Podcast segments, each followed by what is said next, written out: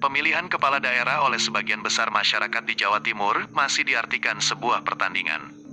Tak ubahnya sebuah klub sepak bola, skema dan formasinya lebih banyak diperbincangkan ketimbang visi dan misinya membangun daerah lima tahun ke depan.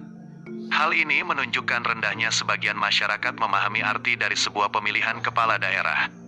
Di warung-warung dan di tempat berkumpulnya orang, fanatisme lebih menonjol menjadi alasan memilih daripada keunggulan yang ditawarkan. Terah nasab dan gender masih menduduki peringkat pertama yang mengunci nalar dan akal sehat memilih, sehingga apa yang akan diperjuangkan nanti, hampir semuanya tidak dipahami, yang penting menang.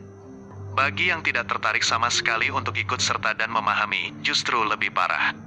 Mereka akan memilih kandidat yang dipilih oleh teman, saudara dan kenalannya, bahkan sama sekali tidak mengerti maksud diadakannya pemilihan tersebut.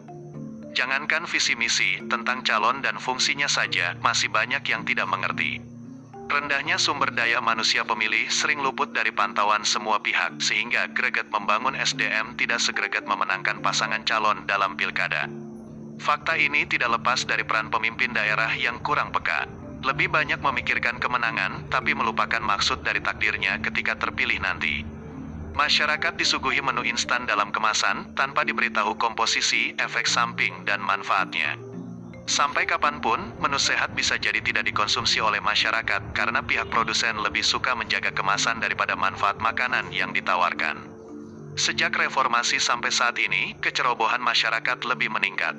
Dahulu, kalaupun ada kandungan berbahaya, masyarakat cukup menjadi korban pahitnya.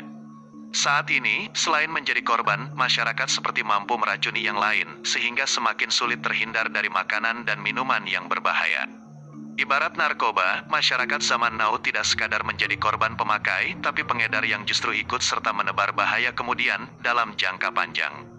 Kira-kira, fakta ini apakah terjadi dalam kehidupan kita, sehingga dari sisi yang lain, kita juga korban rekayasa politik yang tidak mencerdaskan.